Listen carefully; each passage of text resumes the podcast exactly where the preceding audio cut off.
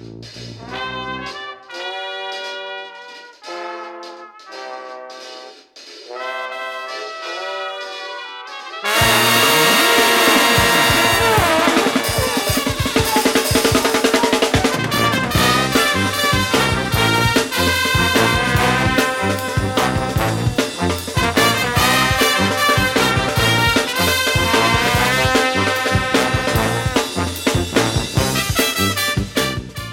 croeso i benod 26 o Ysbeidiau Heilog gyda fi, Lee Jones. A fi, Llwyd Owen, lle byddwn ni'n rhoi'r sylw i'r pethau bach sy'n ei gwahaniaeth mawr i ni yn y cyfnod hollol honco hwn. Ie, wir. Diolch yn fawr iawn i chi am dewis gwrando arnyn ni. Mae'n holl bwysig i'n Eagles bach fregus ni. Uh, ond uh, os ydych chi yn mwynhau, cofiwch i dilyn ni ar Twitter at ysbeidiau heipod. Cofiwch i dan ysgrifo ar eich hoff wasanaeth bodlediadau ac i rhannu'r gair gyda'ch hoff bobl yn y byd. Uh, so ie, yeah, dyn ni yn bodlediad hollol annibynnol, felly mi rydyn ni yn hollol ddibyniadwy ar eich cymorth chi. Felly diolch i chi am gwneud hynny. Llwyd, mae gennym ni gwestai yr wythnos yma. Gwestai sydd yn cael rhyw fath o cilch podgrefftiol i ti. uh, so, pwy sydd yma? Reit e. Yn ymuno gyda ni heno, mae un o gerddorion prysuraf a mwyaf cynhyrchiol y wlad, os nad y byd. Dyma unigolyn sydd wedi rhyddhau cerddoriaeth ar o bryn o dan ei enw ei hun gyda'i fand gwych Colorama ar y cyd a'r band gwerin plu fel rhan o'r prosiect Bendith ac fel Zarelli ei fonicr electronig. Ar ben hynny, mae'n aelod parhaol o'r band The Pretenders yn cydweithio'n gyson gyda'r cerddor o'r Alban Edwin Collins, yn gynhyrchydd sydd wedi gweithio gyda Sir Cracknell Sant Etienne ymysg eraill, ac mae wedi chwarae gyda detholiad anhygoel o fandiau gan gynnwys Oasis ac Uncle. So croeso cynnes tu hwnt i'r pod i Carwyn Ellis. Helo. A ie. Helo, boys yeah, man! Mm. Mae'n lush gael ti arno fe, achos ti, fel, fel oedd Lee yn crybwyll ar y top fyna, ti, ti oedd fy ngwestau cynta ar fy mhodlediad cyntaf, sef does dim gair Cymraeg am random, a oedd hwnna nôl yn mis Ionar 2018, so uh, diolch i ti. O, oh, diolch yn gael fi parni fyd. Dim swper en o'n anffodus, ond na ni. Just, just the gwmni. Ond ie, um, yeah, so ni, ni, ni yn um, ddiolchgar iawn bod ti yn ymuno gyda ni ac yn treulio bach amser. Os ti'n ti effernol o brysur, um, so newn ni ddim wasraffu unrhyw fwy o dy amser di. Uh, draw at y ti, Lee. Carwyn Ellis, hoff gaws, go! Manchego. Oh, yes. Gyda Manchego. Mae'n mae blasus, na'r peth cynta, a peth pwysig ca, wrth gwrs. Ond hefyd mae'n atgoffa fi o bod yn Sbaen a fi wrth fy yn Sbaen. Fi'n eitha partial i Cambazola hefyd. Oh, Bit of blue brie. Yeah. Uh, ond dwi'n meddwl mae uh, Manchego bach well i fi. O, oh, fi'n yeah. Mm. fi caru'r ddau ti jyst wedi enwi fyna. Um, gai ofyn i ti, um, beth wyt ti'n hoffi cael gyda dy fan Chego? Gwyn, lot o fe. A cwbl yeah. o biscuits falle. Wyt ti'n ti hoffi teini rhywbeth ar dy gaws, I suppose, yw beth fi'n gofyn, a, a, dim gwyn, um, ond rhywbeth a condiment. Na, na, na, sa'n ni'n pic, pickles ydym byd fel, na, na, na. Na, bach o, falle, fel, fel oedd uh, dy ci yn neud, fel, just, uh, just bara caws. Bara caws. Bach o bara. Fel bod ti yn y carcha. Ie. Ie, pa fath o garchar sy'n o'i Manchego i chi? garchar yn Sbaen. Ie, fel, um, beth yw enw e? Um, y boi na yn Italian job, Noel Coward yn Italian job. Bydde fe'n cael Manchego yeah. a, a bach o fara. O'n i jyst yn gofyn, achos um, mae ffig, ffigis yn, e, e, e, yn, yn, yn pari yn berffeth gyda Manchego. Um, oh, okay. Fi'n cofio... Fi'n joio ffig. Ffig rolls gwerthu caws uh, yn Narberth. Sa'n ti cofio enw e. Um, oh. Ond mae'n mae, mae mae siop hyfryd. Ti'n gwybod yr un fi'n siarad? Ie, yeah, yr, yr un sy'n neud uh, tapas, ie? Yeah? Ie, ie. Cwrado, efo cwrado yw i lawr? Ie, na ti, ie. So, ma, y tro cyntaf nes i dreul Manchego, oedd eithon ni i, o'n i yn Narberth a, um, a, a prynu Manchego, a dyma nhw'n gweud, o, oh, mae rhaid i chi brynu fath o y, y ffig, um, well, bron fel, ti'n gwybod beth sydd yn fig rolls, beth sydd yn y can yeah, o fig, fig jam. Rolls. Well, ond dim jam, dy, mwy caled, fel cacen fig. A chi'n okay. torri slices o'r cacen fig yma i roi gyda'r manchego. O, oh, reit. nefolaidd. Ond wedyn okay. hefyd, fi, fi jyst yn prynu jam fig hefyd, jam melus. Ie, yeah, ie. Yeah. A, a sa'n gwybod pam, ond mae fe jyst yn pari yn berffaith. Os mae manchego bach yn sir, yn fe? Ydy. Yndi. Mae'n dibynnu ble chi'n cael e. Ond yn, yn Sbaen, mae'n lot gwell. Dwi'n stwff yn Marks and Sparks, dim cweud cystel, chwarae teg. Mm. Mae rhywun yn llwyddiannus yn does li. Rwy'n cwni gaws o Max and Sparks. Ei, mae'n big time heno. Dim gweud Waitrose, gofio. hey man. Mid-level o'n i. Superb. A fel ti wedi crybwyll um, fyna, uh, Carwyn, ti, ti yn teithio'r byd uh, neu o ti anyway cyn Brexit um, On, a'r pandemic. a, a, a, ti, a, a ti, mae gen ti gysylltiad trwy dy partner gyda Japan. So, yeah. wyt, wyt ti di, ti'n beth, beth yw'r pethau mwyaf, ti'n bonkers ti di bwyta ar dy drafels? Mwy na thebyg, um, oct live octopus, neu just octopus sydd jyst wedi cael ei tynnu mas o'r dŵr a cael ei, cael ei chopo lan pan beth be, be sy'n trefeili yn Japan gyda band o'r enw Curly nôl yn 2007 gle? A um, o'n i'n o'n i'n really just bit an man yn gorau round uh, Japan oedd yn ffantastig. A byn i ym mob dinas oedd e jyst yn hollol anhygoel. Ond o'n i'n bit an yn y manegore a um, o'n nhw'n trio ffrico fi mas weithiau a jyst rhoi rhywbeth o blaen fi a gweud, come on, need that then. Uh, o'n i yn, o'n i'n jyst yn bita popeth, o'n i'n joio, o'n i'n ifed, a bita pob dim o'n i'n cael. Uh, o'n i jyst fel mm. mochyn. A so, Nawr... nath nhw roi fel octopus o blaen fi, a oedd y thing dal, dal yn symud. Dwi'n just... Oh. Mae'n darnau, darnau bach, ond really fresh, ridiculous o fresh. So they're still yn symud. Mor fresh oedd e dal yn symud. Mae'n na, oh. ma na, ma na fel y menydd yn pob un o tentaclau octopus yn does, felly ma, fel bod nhw'n gallu... Neu mae yna brain cells ynddyn nhw. Dys dim y menydd, ond mae ma na brain cells fel bod nhw'n gallu kind of, ymdeimlo a kind of, symud yn annibynnol o'i gilydd rhywfaint. Ie, yeah, mae'n ddrwg iawn dy fi i teulu'r octopuses, ond... Just gobeithio bod man o'n Stefan Ross ddim yn gwrando ar y benod yma ar y yeah. foment. Mae mewn bits. Ond ie, mae hwnna'n... Mae hwnna'n octopus mewn bits. Mae hwnna'n swnio'n disgusting, i gorff bod yn honest. Ond, Gwerthu fi... Ydy jyst yn amrwyd? Dim, chymod, halen a phipur? Na, na, na. Na, straight up. Fel oedd e. Wel, oedd e fel de, ti'n mo, just... Ie, ie, ie. Ydy'r gai gin hyn yn gallu bita hon. A, oh so god, oedd ydy. Oedd y band uh, nes di enwi, beth oedd i enw nhw? Cwrwli. Ac o ti, o ti'n ti aelod o'r band am spel neu beth, beth oedd yn digwydd fyna? Um, o'n i'n rhan o'r band ar, ar daith, y travelling yeah. band.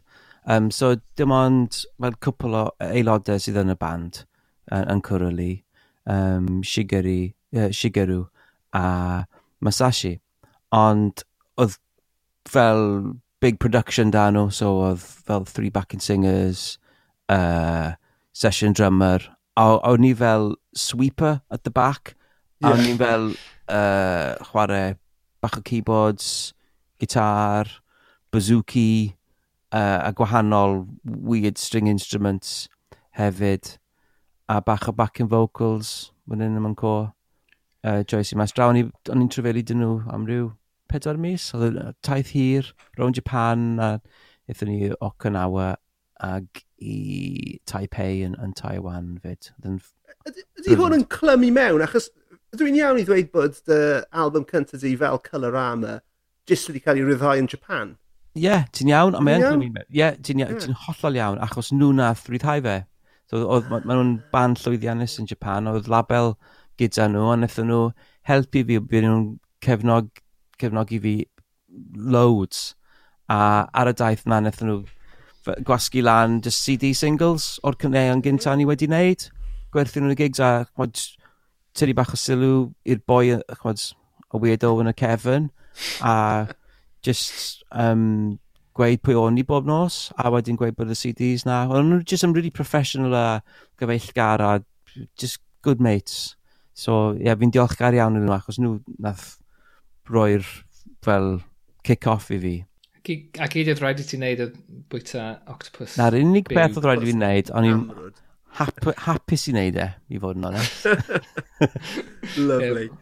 so, ni, ni yn gofyn i'n gwestau, Carwyn, um, i gyflwyno cwpl o bethau sydd yn neud nhw'n hapus i ni. Mae mor mm -hmm. syml o hynny. So, beth yw'r beth yw peth cyntaf ti eisiau sôn am heno? Trefeili. Teithio. Oh, oh. Like, A fi'n licio mynd i, i mannau newydd, ond os na fi'n gallu mynd i rhywle newydd, fi just, fi'n hapus i gerdded, just mynd mas i gerdded bob dydd. A, ond bod, wedyn mae hwnna'n just yn fel mynd at god, just trefeili, just cadw ar y ffordd, momentum, mae rhywbeth am momentum, mynd i weld pethau newydd, llefydd newydd. Mae'n bwysig iawn i fi, a mae'n gwneud fi'n hapus. Fi'n teimlo lot hapusach pan byddai'n neud ni. Pan, pan ti ffwrdd o adre. Cweit. so ti, ti, ti wel, tan yn, tan yn ddiweddar, tan y be y flwyddyn a hanner, dwy flynedd diwethaf yma, ti, ti, ti yn byw ar y ffordd am, ti'n mo, hanner, hanner dy amser, wyt ti? Ydw i'n iawn i ddweud hynny? Ie, yeah. o'n i'n hapus iawn par ni. a ti'n mo, a ti di, ti di symud, neu ti di llwyddo i, i gyrraedd safle yn dy fywyd lle ti'n gallu neud hynny achos dy gysylltiad gyda'r band The Pretenders, right? Ydy hwnna'n deg i ddweud? O di, mae yn. Be sy'n trefeili so, lot gyda Edwin, a fi wedi gwneud sawl peth ei hun, ond dim cweit a just y safon o drefeili. Mm. Mae ma, ma bach o luxury gyda drefeili gyda nhw, a mewn bubl um, sydd yn just yn hollol briliant a cael, chwad, maen nhw just fath, fath o, o mannau i wedi bod gyda pretenders, ond i ddim yn gallu gweld nhw gyda neb arall. Yn enwedig gwneud stwffi. Gwerth ni dy, ti'n mo, ro gwbl o enghreifftiau ni o'r, or pethau rhyfeddol ti wedi gweld ar dy drafels. Um, o'r chwarae yn stadiums round y byd, chwad, o'n, on i ddim wedi wneud ni o'r blaen. Um, o'n i wedi gwneud couple o gigs mawr pan o'n i'n gweithio gyda band oedd ar label Oasis, ond dim tramor. So wneud, wel, y, y, y gig cynta nes i yn um, 2018 oedd yn stadiwm Maracana. So ar ôl wneud podlediad ti, es i'n syth i Rio de Janeiro a chwarae yn stadiwm uh, Maracana. Fyna. Ydw i'n iawn i gofio, sorry Cari, ydw i'n iawn i gofio bod y Pretenders yn cefnogi Phil Collins yn y Maracana? On, ie, yeah, ti'n iawn. yes, o'n i'n meddwl. Mae fe'n ma fe masif seren. Mae fe'n just... Yeah. Llenwi stadiums round y byd. So uh, faint o bobl o'na? Sa'n gwybod? Um, 60,000 falle? Sa'n gwybod? Oedd y ti erioed yn wedi ystyried chwarae mewn stadiums, stadiumau? St stadia. Stadia. Stadia. Stadia. Yeah. Stadia. Stadia. Well, well, yeah, nawn ni sticio i'r lladin. Um, Wyt ti erioed wedi ystyried hynny fel uchelgais gallet ti erioed wedi cyrraedd pan ydy ti'n cymryd cerddoriaeth tym bach mwy o ddifri ac yn gweld hi fel gyrfa? Um, Sa'n gwybod yn cwestiwn da. Um, dim yn siŵr be o'n i'n meddwl am ni. I fod yn onest, hollol onest, o'n i wastad yn, yn gweld fy hun fel rhywun oedd yn, oedd yn mynd i greu recordiau dim performiau, dim, dim dim performio nhw um, cymaint a just creu nhw. So mm o'n i... Just... Fel Steely Dan. Rhywbeth fel na. um, mwy fel Desperate Dan i fod yn onest. On, um, so mae'r studios mawr fi wedi bod yn dyn nhw a beth wedi cael neud yn y studios mawr. Mae hwnna... Na'r peth fwyaf oedd Carwyn ifanc eisiau wneud. Mm -hmm. So mae wedi bod yn briliant yn chwarae yn y stadiums, stadia. Um, ond i fod yn y studios na a cael y cyfle i, i wneud be fi wedi wneud ynddyn nhw, mae hwnna wedi bod yn big box ticked. Mm. A mae'r y, y teithio wedi bod yn bonus enfawr. Mm. Wyt ti yn gallu, cyn, cyn bod ni'n trafod y, y, y studios, wyt ti, hmm. wyt ti gallu uh, fath o tywys fi a Lee trwy um, fath o diwrnod arferol. Gwed yn Rio, ti ar daith gyda Pretenders, mae gyda chi, hmm. ti'n mae gyda chi gig fath o yn y nos. Beth, beth, beth, beth ych chi'n neud? Beth, beth, beth, beth yw'r drill gyda, gyda, gyda teithio fel yna? Pan byddai'n teithio fel arfer, dwi'n licio gweld stuff a dwi ddim am, am, a fi wedi byn mach yn mental gyda'r thing ar y ffôn gyda'r steps. So fi wastad eisiau gwneud 10,000 o steps bob dydd.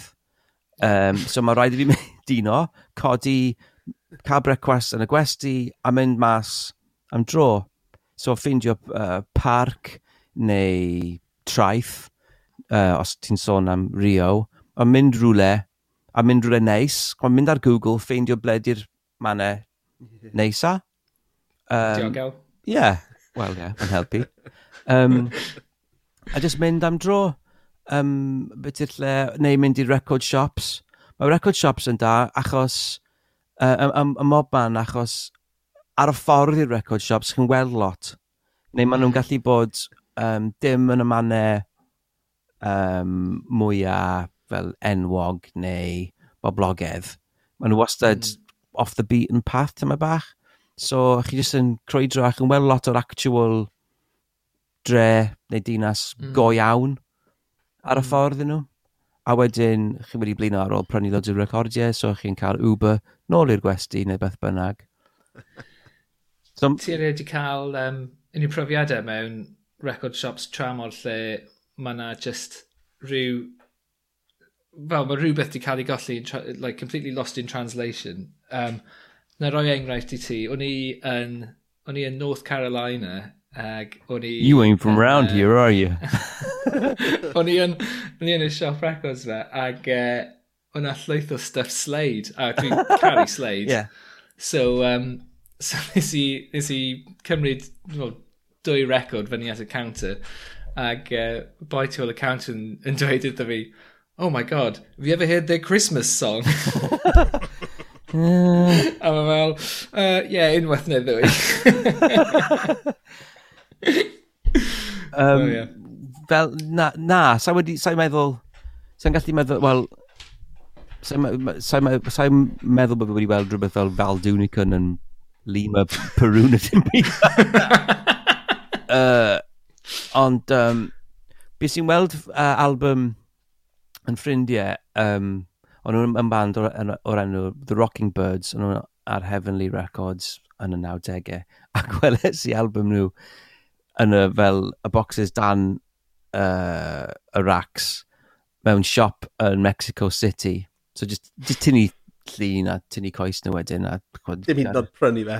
Dim prynu fe, Y sioc fwyaf ges i fel, fel rhywun, rhywun sydd yn, yn casgu recordiau ac sy'n hoffi mynd ble bynnag. I mean, dwi'n, dwi'n, dwi'n fy ngwraig i heb, heb cotno ymlaen eto, ond fi, fi actually, ti'n amser fi'n trefnu gwyliau, fi'n fi, check up yna record shops beth yna ni'n mynd cyn bod ni'n bwcio. Spot on. Ond, yeah. um, yeah, fatha, yr agoriad llygad mwyaf fi yw, amser chi'n mynd i, i Ffranc, a sylweddoli pa mor uh, gyffredin yw records Serge Gainsbourg.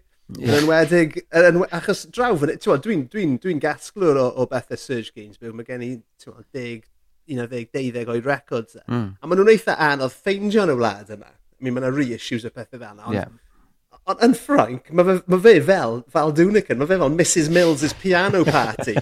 mae ma, ma, ma, ma, ma, ma records, e, e, uh, just, ti'n cer, cer mewn i, i i unrhyw farchnad neu fath o charity shop yn ffrainc a neud i ffeindio Serge Gaines. Yn enwedig, just dau neu tri o'i, oi albums e o'r 80au, nath, ti'n oedd yn fwy poppy. Yeah. Biggies. Ie, yeah, ie. Yeah. Ond maen nhw, ma nhw just yn bob man ag, i, i rywun fel fi, oedd nhw'n fel, yes.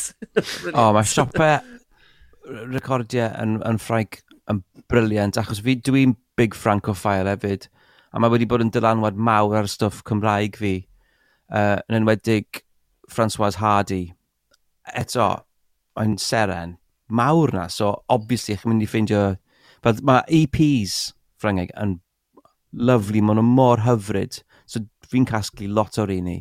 A mae tons o rai François Hardy dy fi. Um, just pedwar track, neu dau track, neu beth bynnag. Dwi joio stuff François Hardy. A Serge hefyd, a um, fel chi'n gweld tu ôl fi mae Paul Noref um, gyda'r spectol hael ar, ar y clawr uh, ar y... O'n i'n meddwl taw ti oedd yna, o'n i'n meddwl taw self-portrait. Na. Mod... Neu falle rhywbeth oedd Maki wedi gwneud, mae Maki dy, dy partner yn artist, o'n i'n meddwl falle bod hi'n gwneud rhywbeth. Na, na, na, modelled on Paul the Ref. Dwi. Clas. Nawr, Wyt ti wedi dod ar draws band o'r enw Mustang sy'n dod o Baris? Na, dw. O, Oh man. Tell me more. Na, na i anfon link at, at, at, at eu stwff nhw. Maen nhw'n... maen nhw yn anhygol o dda. E. Band, band cyfoes, band sydd yn bodoli heddiw, yeah. ond band sy'n chwarae fel rock and roll. Okay. Eitha sort of 60s, bach yn surfy, uh, bach o garage, timod, garage rock, a oh my god, a fi'n gwybod beth ti'n caru nhw. Oh, cool. A maen nhw'n neud cwpl o covers o stuff Serge Gainsbourg ar, ar ei records nhw. Maen nhw'n fucking cool as fuck. Nice. okay. yn, yr, yn yr unig ffordd gall band o Frank fod yma. Sold. Ond, ie, yeah, no, beth ti yn, beth ti'n prynu back catalog nhw fori fi'n gwybod byddu ti. Ond, um, yeah, a, a, nôl at um, y studios yma nes di grybwyll. So, mm. Gwerthon ni am, uh, am gwbl o'r studios mawr yma ti di, ti di cael cyfle i weithio ond nhw? Um, Wel, I suppose, Torag yn Llundain, dwi wedi ddim yn studio mawr, ond mae'n studio enwog um, hmm. ble oedd lot o stwff um, hen ger gyda uh, Liam, y boi sy'n redeg y lle. So oedd y White Stripes wedi bod na yn neud breakthrough album nhw, sef Elephant. Um, a wedi gweithio lot fawr fyna. Um, Ond... A gweithio ar, o ti'n gweud ar, ar offer analog, offer fath o hen fe? Ie, yeah, fel hen tape machines, mixing desk. A mae ma live room nhw yn llawn tiles hefyd. Ydy, e? ie, yeah, spot, ie. Yeah. yeah. so, so yn hytrach na kind of lladd y sain yn y, yn y waliau gyd, mae'n, come on, mae'n lot mwy, yeah, lot iawn. mwy fyw. So, um, yeah. mae'n gret na, um, so dwi'n meddwl bod yn modelled ar Sun Studio falle, neu, neu Sam Phillips, neu un o'r mhm. studios yn Memphis. Um, y, y live room, anyway. Um, so man fel na, neu Air Studios, um, couple of studios yn Rio de Janeiro, a weithiau chi jyst yn cael y cyfle mynd i just stafelloedd really hyfryd chod, yn Europe. So mae'n ma lot o mannau really hyfryd still i gael uh, os chi'n cael y cyfle i fynd yn nhw. Os gen ti uh, wishlist felly, ti'n gwybod, yn edrych nôl ar canwyn ifanc yn eisiau creu stuff, os na llefydd ti heb fod, byd ti eisiau mynd i? Mae loads. Um, a fi'n ffindio mas a mwy trwy'r amser. Um, mm. Mae yna ma rai yn Paris, actually. Mae yna cwpl yn Paris, lyc like, i ni mynd yn you know. ôl. Um, Hefyd, um, dwi'n meddwl mae yna cwpl yn Berlin, Munich, Hamburg, fyna, ble mae'r amazing hen gear gyda nhw. Mae yna ble oedd pobl fel Bert Camfort yn recordio yn ôl yn y 50au a'r 60au. So, Dwi'n Nath, nath, nath David Bowie mynd i uh, Berlin am y gear yn dod. Do, a fe i hand... hand oh, that kind of gear, yeah uh, Hansa bio dde, ond dyw Hansa ddim na, nawr. A beth oedd enw'r boi oedd yn um, y producer yn Hansa? Mae yna documentary da amdano fe ar, um, ar Amazon. Oh, boi efo... Um... Ar Prime. Uh, beth oedd enw fe? Oh, blinkin' heck. Uh, oedd e fel the Uber Krautrock producer. Yeah. Connie Plank. Oh, beth... Dyna ni. Fe, cyn bod fi'n gweld e ar Google. Oedden ni'n siarad gyda Griff Rhys am Connie Plank yn dyfyn ni llwyd. O'n i yn, ie.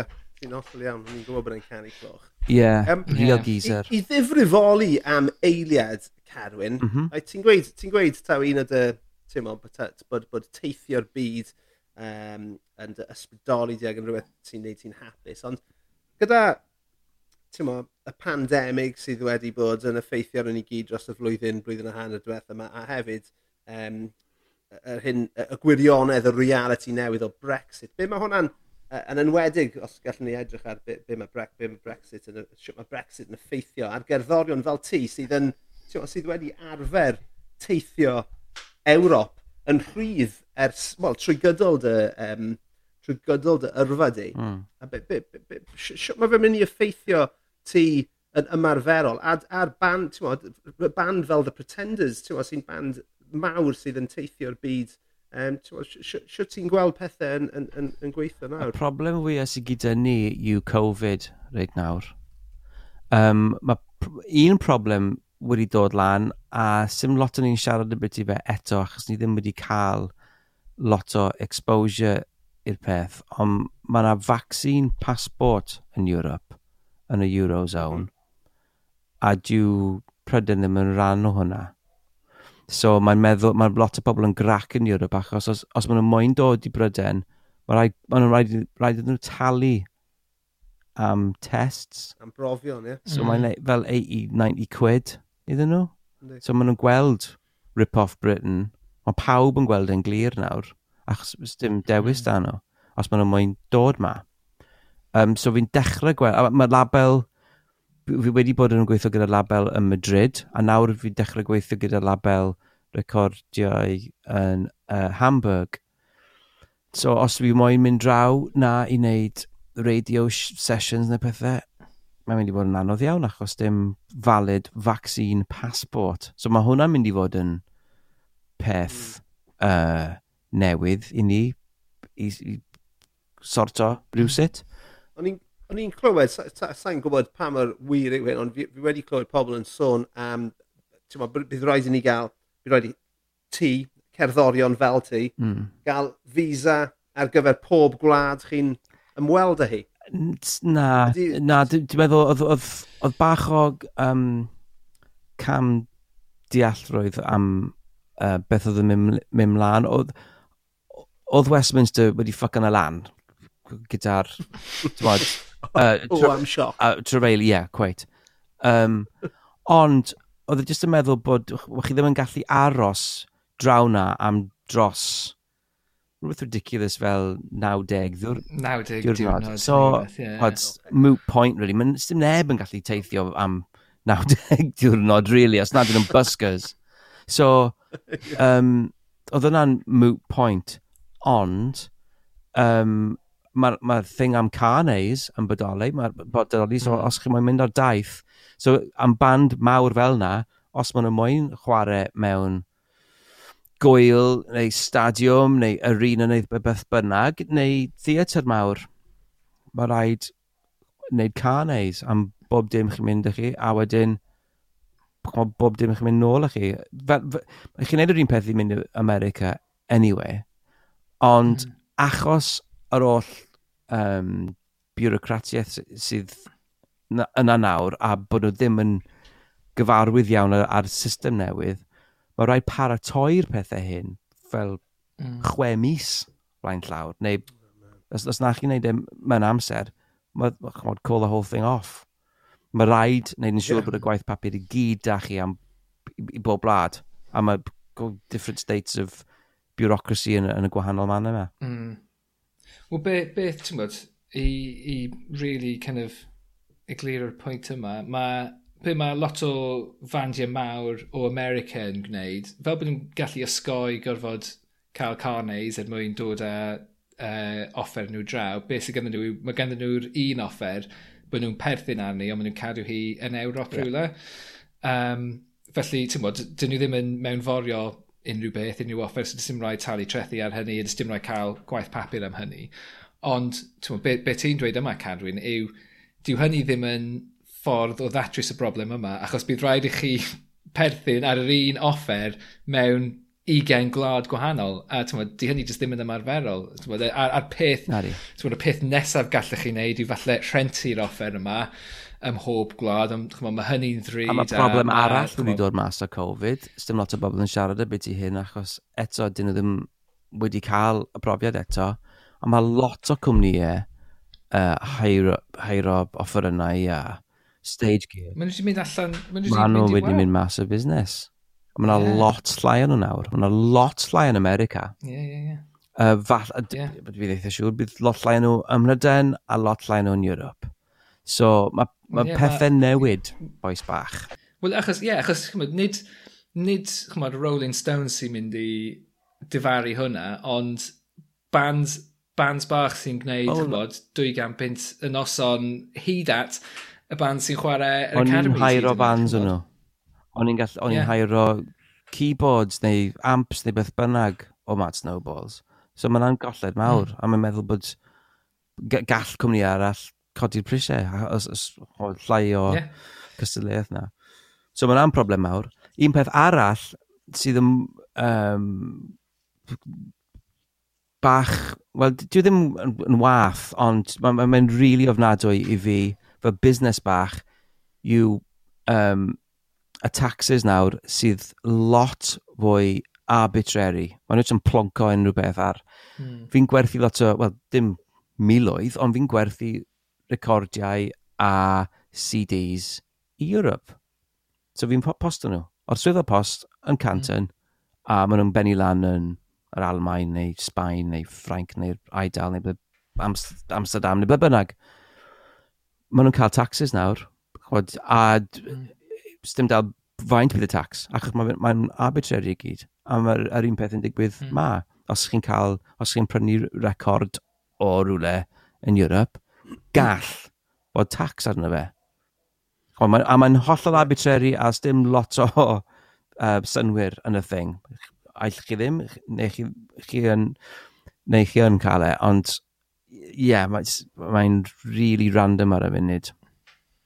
Mm. Wyt ti, fel rhywun sydd yn gwerthu, ti'n trwy band camp er enghraifft, I mean, mae fe, ma fe amser ti'n prynu um, record. Ar unrhyw le ar-lein, mae fe'n ma fe rhoi pris y record, a wedyn mae fe'n rhoi pris y postage i ti yn dweud hefyd. Mm. A, a ti'n e, dros y, fel, fel rhywun sydd yn, ti'n eto, sydd yn hoffi prynu records o dros y byd, ti'n ma, ma, ma na, ma yna labelu o, o Rotterdam er enghraifft a o Hamburg dwi, dwi, dwi wedi prynu lot dros y brynydde wrthyn nhw. Yeah. Ond erbyn hyn, ga, gallai ddim achos mae'r postage yr un faint ar record, Ydy. os nad yn fwy. Ydy. Genuinely. Ond hwnna wedi digwydd fyd. Yeah. Fucking insane. Mae ma postal rates round y byd wedi mynd mm. trwy to. Ie. Yeah. yeah. A mae ma, ma llwyth o labelu dwi'n gwybod amdano nhw ym, ym Mhrydain wedi just stopio anfon uh, i bobl sydd tu allan mm. i Brydain. Achos, achos mae'r costiau'n rhi uchel a dyn ni ddim yn gwybod... Wel, dyn ni ddim gwybod beth yw'r costiau, ond maen nhw'n gwybod fod nhw yn rhi uchel a dyn ni ddim yn gallu... Wel, na beth mae Llywodraeth Undyn yn gweud nawr yw uh, i, i businesses sydd yn neud exports, yw open a warehouse in Europe. yeah. oh, brilliant.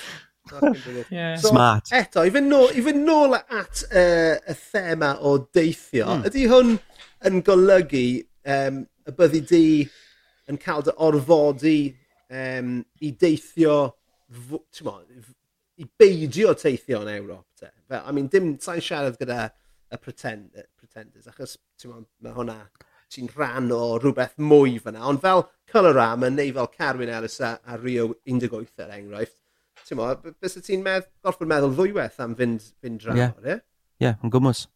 Mae hwnna'n ffucking, mae hwnna'n awful, ynddo e? Mae hwnna'n just mor, mor drist. Ydy. Eto, sa'n gweld, chod, hyd yn y uh, blwyddyn nesaf, sa'n gwybod a bydd uh, y circuit byw nôl fel oedd e, um, mae'n mynd i gymeryd bach o amser. Um, so dwi'n meddwl, sy'n sy lot o drefeli mynd i fod, achos mae'n jyst mor unpredictable. Chi ddim yn gwybod beth sy'n mynd i ddigwydd. A gyda'r vaccine, passports a pethau hyn, a gall unrhyw beth cael ei canslo unrhyw amser. I ni still chwan, yn y sefyllfa yeah. na. Uh, a dwi'n meddwl bydd i fel na am spel to, yn anffodus. Gutted. Sabar. Ian, Sod, boys. Anyway, yeah. Not a jokes. Not a jokes. Ond, um, yeah. Ond, ti'n ma, ti wedi bod yn teithio, wel, dros y, dros y, ti'n ti, ti, ti absolutely shattered then, o ti wedi gweithio ni, achos ti newydd o'r nôl, ti wedi bod... O'n i'n meddwl bod ti'n mynd i ddweud. O'n i'n meddwl Llywyd mynd i ddweud, o, ti, ti wedi bod yn teithio lot, so uh, man o man ti teimlo'n ddiolchgar o beth ti wedi cael hyd yma. Na, na, ti, ti wedi, ond ti wedi bod lan o lawr i'r Alban o leia. I mean, so wedi bod yn bellach na pont y brif. Ie, fi'n hynod diolchgar uh, am, y, am y ffaith. Um, so, ie, yeah, mae'n neis, a mae'n neis i fod uh, blynedig eto am uh, y reswm na. Um, mae'n really... nice. Siwt, uh, siwt deimlad oedd e i fod nôl o flan tor fyw de? Achos ti wedi chwarae gyda The Pretenders a Edwin Collins dros y pethefnos diwetha yma mewn amryw Do, oedd e, yn hollol, hollol briliant. Achos am y rhan fwyaf o'r bobl oedd yn gweld ni, gigs ni oedd y, y gig cynta o'n nhw'n gweld yeah. ers, mm. sa'n gwybod pryd. So nhw'n... So pawb yn mynd yn wallgo. O'n, dim, dim, dim... Absolutely dim, bonkers dros ben llestri nid yn byd, achos um, chod, different demographic o ran yeah. oedran nhw, ond still, oedd yn amazing, ar, chod, o'n i'n cael croeso cynnes yn y gigs i gyd, a oedd e just yn, just yn lyflu gael chwarae to. Fi wedi bod yn brysur iawn dros y blwyddyn a hanner diwetha yn neud music fi ar ben fy hun. Mm. A ni'n eitha bod erbyn hyn. So mae'n lyflu i wario gyda bobl eraill a canu gyda bobl eraill. O chi ddim yn cael wneud ni, mm. really. Dim lot, yeah. anyway. So, so mm. wyt, wyt ti wedi bod... I mean, wyt, wyt ti'n recordio gartre fyna os gyda ti set os. adre os, os. yn, yn Canton? Yeah. So fi yn neud eitha lot gartre, um, diolch beth. So fi yn gallu neud ni. Achos ti wedi rhyddhau dau albwm llawn yn ystod lockdown, do? do? lot ydo.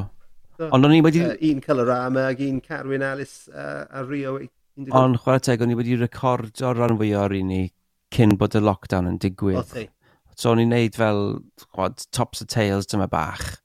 Um, taclis a couple o pethau, ond na, ni wedi neud y rhan fwyaf cyn bod y, y lockdown yn digwydd. So beth ti wedi bod yn neud? Ti wedi bod yn pat? Ti wedi bod yn ysgrifennu, yn cyfansoddi? Beth ti wedi... O, do. A ni'n effernol o lwcus hefyd bod Radio Cymru wedi gofyn i fi wneud cyngerdd gyda'r um, gyddorfa genedlaethol Gymraeg y bib uh, nôl y mis mawrth. So, um, nes i ddefnyddio'r cyfle na um, fel gyfle i wneud, i, i gyfansoddi llwyth o gyddoriaeth newydd. So, oedd hwnna'n challenge mawr achos o'n i ddim yn gallu um, gweld neb heblaw am dros Zoom. Um, so, tri o recordo, o'n nhw'n rhoi cyngerdd i fi ar Rio 18, ond yn amlwg oedd Rio 18 ddim yn gallu ware dy fi a'r geddorfa yn yr un man. Oedd e just, a, achos mae Rio 18 yn, yn byw yn gwahanol mannau. E. So oedd, oedd teithio pyrni yn really risky, so wnaethon ni just recordo pawb ar wahân um, yn band fi yn, yn recordo. So, oedd yna'n profiad odd, Ond fi'n diolchgar iawn am, am y gyfle. A bydd album o'r stuff na yn cael ei ryddhau um, mis Hydref. Mis Hydref. Yr ail ar ugen o Hydref. Wych. Ia. Ah. Edrych lan. Dyn nhw'n exclusif? Dyn nhw wedi cael ei ddatgan o barod? um, ydy... Speidio Speidio'i heilag exclusif. Well, yeah, kind of exclusive. Digon exclusive. That'll do us.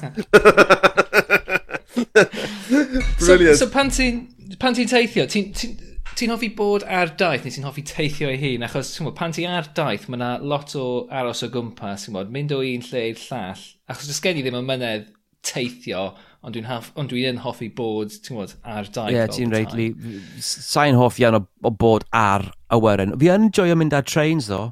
Fi yn joio eistedd ar tren, a mm Dwi'n neud lot o um, sgwennu fi ar trains. Fi'n darllen lot ar, ar trains, a planes, ond mae well i fi bod ar trains. Automobiles? Uh, Weithiau. a mae well i fi trains a planes, i fod yn onest. um, na, ti'n iawn, means to an end yw'r yw ni, to A to B, a wedyn hmm. licio bod yn y man, ble byddai, a wedyn anterio rownd ble bynnag byddai.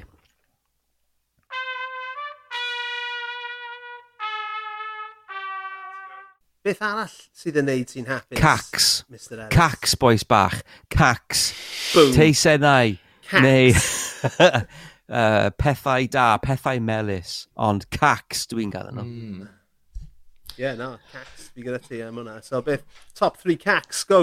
o, oh, fi, fi wrth y modd gyda um, pastel de, de nata. A mae nata ni... A Portug Portuguese so, Portuguese tarts. Yeah. Oh, yeah. Dwlu arnyn nhw, reit? Yeah. Fi'n dwlu yn nhw. O'n i mond yn gwybod hwnna, achos o'n i allan gyda rhywun uh, diwrnod o blaen ac yn dweud, o, oh, dwi'n hoffi dwi'n hoffi rhain ac yn dweud well, beth ydyn nhw. Ac ie, uh, yeah, so o'n i'n teimlo, o oh, ie, yeah, dwi'n cultured iawn pan nes i ddweud hynny. Ond, uh, o'n i'n disgwyl, pan, pan nes i'n dweud cacs, o'n i'n meddwl, o oh, right, ie, yeah, dyma ni, uh, Mr Kipling, Angel Slices, Bantani. oh, hey, this is a man of the world fan hyn, Lee. Man of the world. so, so uh, uh, uh um, uh, ble, ble, ble, ble ti'n prynu dy, dy Portuguese custard tart o... As mae ma ma ma ma ma rai hyfryd yn y dren. O, oh, so, Nata yw enw'r... Um, mae yna chain bach gyda nhw nawr. Um, mae yna un o blaen y castell. So, fel arfer, fi, pan byddai'n mynd am, am dro bob dydd, fi'n licio gweithio i fel rewards-based system, so fi'n dro, a wedyn pan byddai'n benni lan o flaen y castell, byddai'n popo mewn i nata, cael cwbl o natas bach. A mae yna un yn y baedd hefyd, a mae yna un yn splot, dwi'n meddwl. Mae yna un yn bristau hefyd. So mae yna'n... Mae yna'n, chymod, dro eitha mawr os ti'n mynd uh, i'r castell y bai splot a bristau e yn un tro. Wel, Right count of 10,000 yeah, steps, mate. Dyna un ffordd i wneud it. So, um, sa'n so, neud nhw gyd mewn un, un trip. Wyt ti'n wyt ti'n reito um, Portuguese custard tart Lidl? Na, dw. God, na, dw.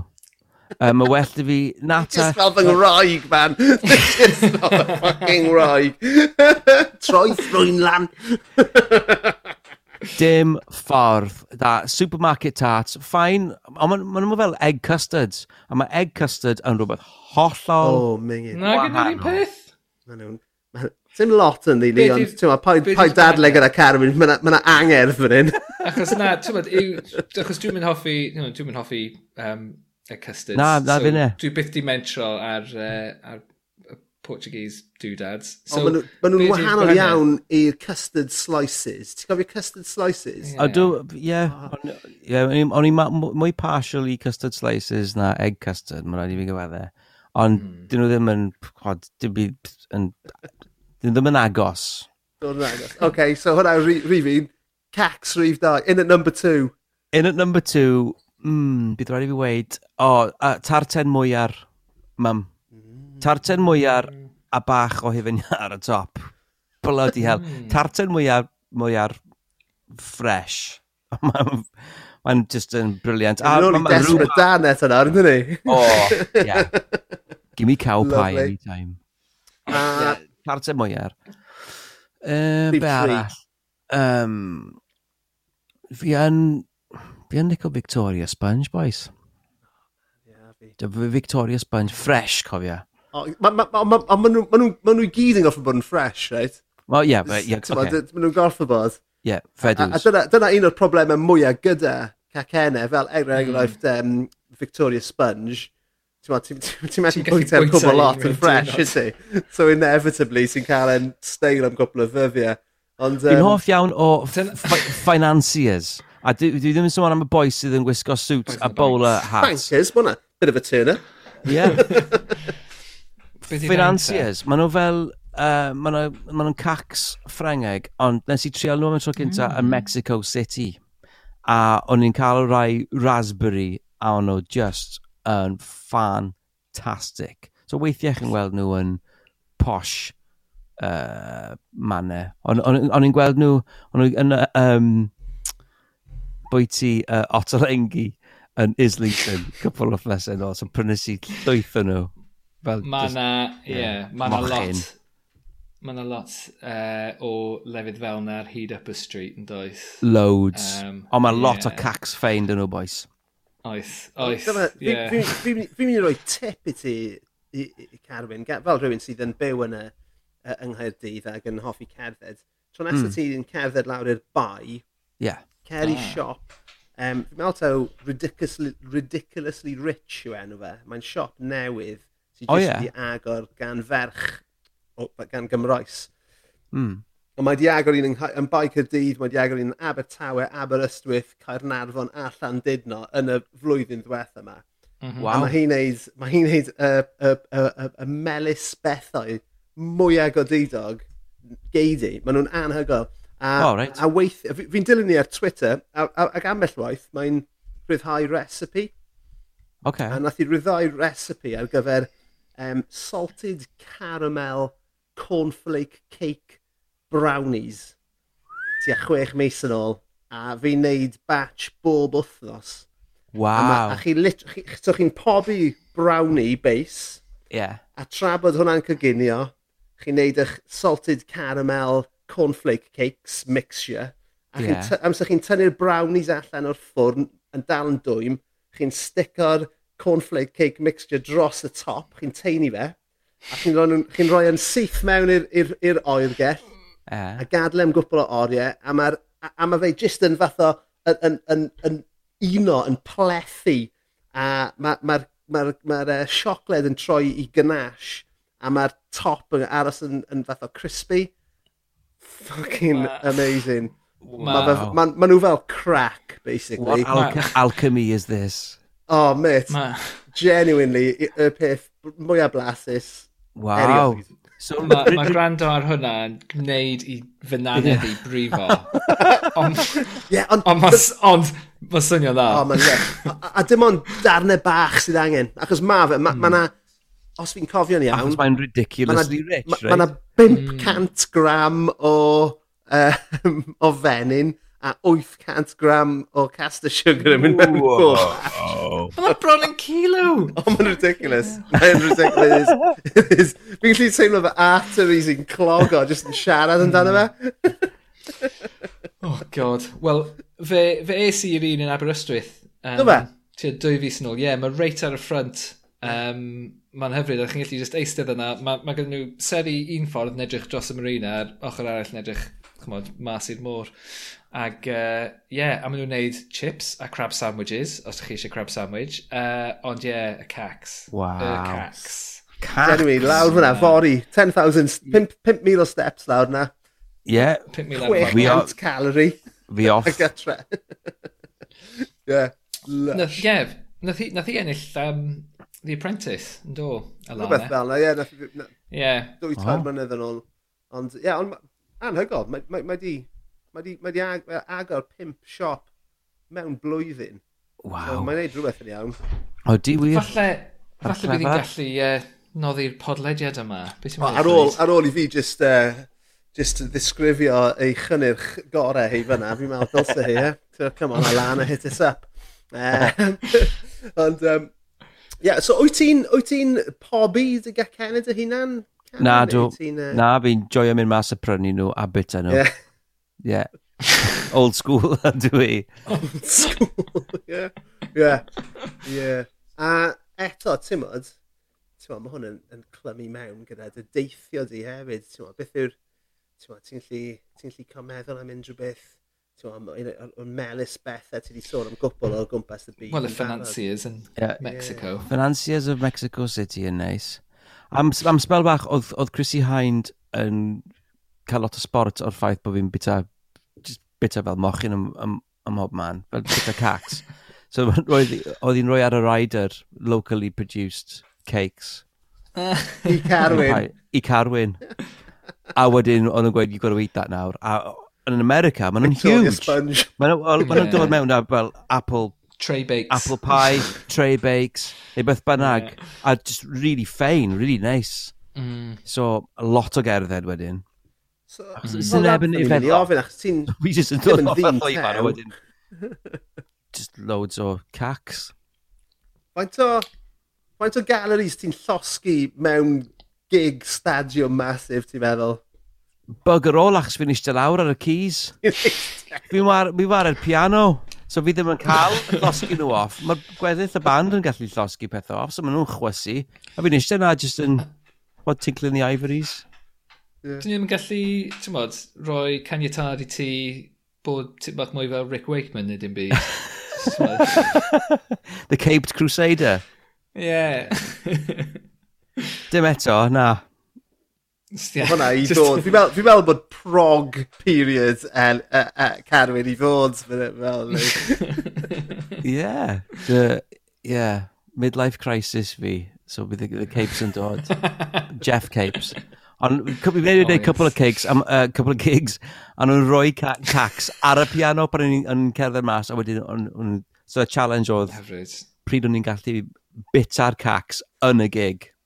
God, weithiau mm. chi'n mynd mas am misoedd, a wedyn chi'n gwneud pethau dwl fel yna. A dim, yeah. dim, bot, dim botel y gwyn nawr, fel actual cacs. Mae Lee yn enwog ar y podlediad yma am dalu pum pint am dorth o fara. Nawr, faint fa, fa yn mwyaf ti di gwario ar dorth o fara ti'n meddwl yn dy fywyd, Carwyn? Sa'i wedi... Sa'i'n meddwl bod fi wedi wario pum pint, ond... Da iawn. If, if, if agos, a mae'n a couple o uh, bakeries yn yr ardal hyn sydd yn... Maen nhw'n drud. Maen nhw'n effernol ar drud yma. Um, y Danish Bakery yn uh, Pontcana? Ie, yeah, maen nhw'n ffantastig, ond maen nhw'n eitha drud. A mae'r un yn uh, Vicky Park yn eitha drud fyd. Um, yeah. A wedyn, mae digon nhw yn Llundain.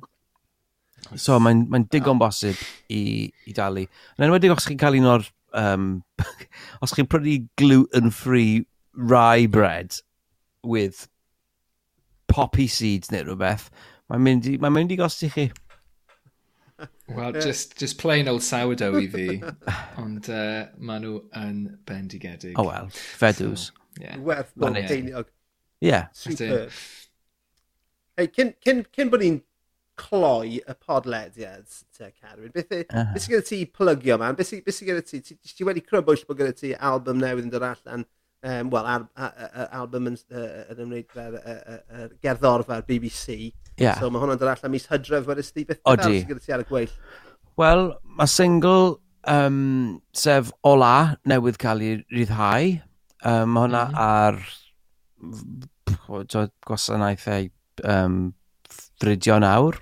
Um, a ie, yeah, mae'r album mas nes i ryddhau uh, y mis Mawrth. Mae hwnna mas nawr. A mae fe hefyd, fi'n gorfod gweud, nes i o'n i'n gweithio ti cyn bod ni'n dechrau recordio, fi'n fi wedi gwrando ar, ar, ar the, pretty much the all catalog di heddiw, a, a mae ma mas just yn anhygol o dda. Mae mm. really, o, o, o, o feddwl beth dath cynne gyda Joia, oedd yn ffantastig, a oedd pawb yn meddwl, oh, ti'n mo, that's a one-off, right? yeah. Ti'n mo, mae hwnna'n ma hwnna album mor unigryw i, i, i, i, i gael ei ryddhau yn yr iaith Gymraeg. Ond ti wedi dilyn y lan gyda rhywbeth, bys yn ni'n ni dadle bod yn well, bod mas yn well well. uh, album ond e. Ond falle taw jyst as bod fi wedi, hwnna, bod fi wedi uh, gwrando na fe dwy tair gwaith hefyd, ond briliant. So, Diolch yn golygu so, ti. So ie, yeah, prynwch hwnna.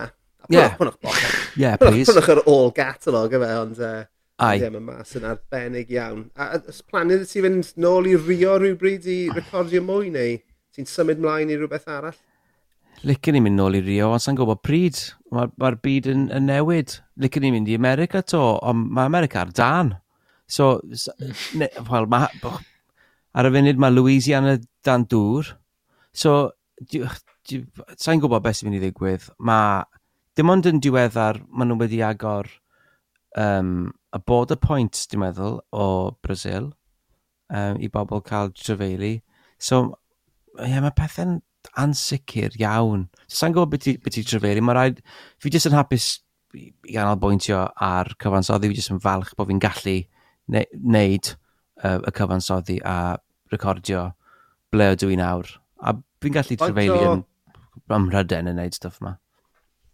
So fel, fel, fel rhywun, ti'n mo, cynhyrchiol iawn, os, os gyda ti fel, ti'n mo, gwerth albums ar dy, bo, bo, ar, ar gyfrifiadur neu, neu mewn llyfrnodiadau gartre fyna? Ti'n gweithio? Dim ond... Wel, dim ond ar y gyfrifiadur rhwng fy nghlistiau. The master computer. Na ti. Supercomputer. Na, mae stwff, ma stwff da fi. Um, mae digon o stwff da fi ar y gwell. So, Gwych. Drychwch mas. Wel, ti'n mo, be bynnag, be bynnag ti'n neud nesaf, fi'n gwybod byddai'n caru fe. Diolch. Gwybod, Drychwch mas a joia. Ie, yeah, wir. Ie, yeah, wir. Ond ie, yeah, unwaith, unwaith eto, Carwyn Ellis, diolch yn dalboi i ti. Diolch yn fawr. Am gadw cwmni ni heno. Diolch yn fawr iawn. Dyma ni. Ie, yeah, diolch i ti Carwyn. Pleser. Diolch, boys.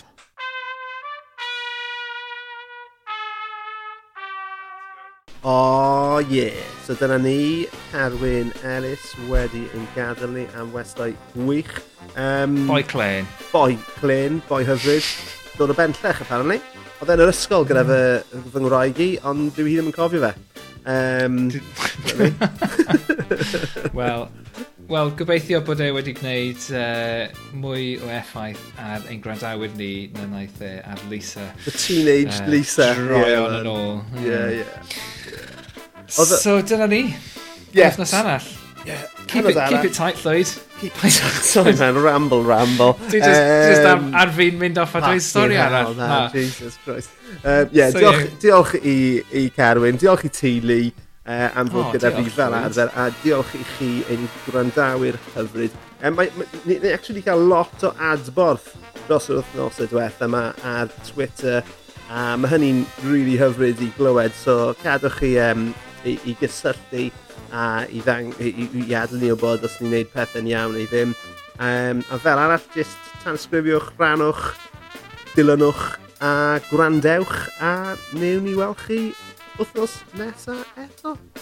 Ie, yeah, a jyst i adio at hynny, um, modd, mae llwyd o fyna yn people pleasers, na ni wneud unrhyw beth i gadw chi'n hapus, so unrhyw adborth, siŵr o fod, nawn ni wneud be bynnag ydych chi'n gofyn i ni wneud.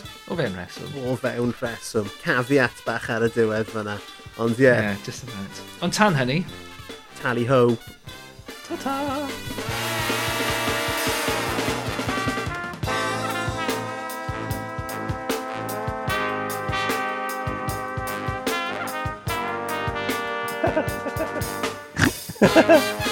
Hwyl lawr! Dyma'r ofal!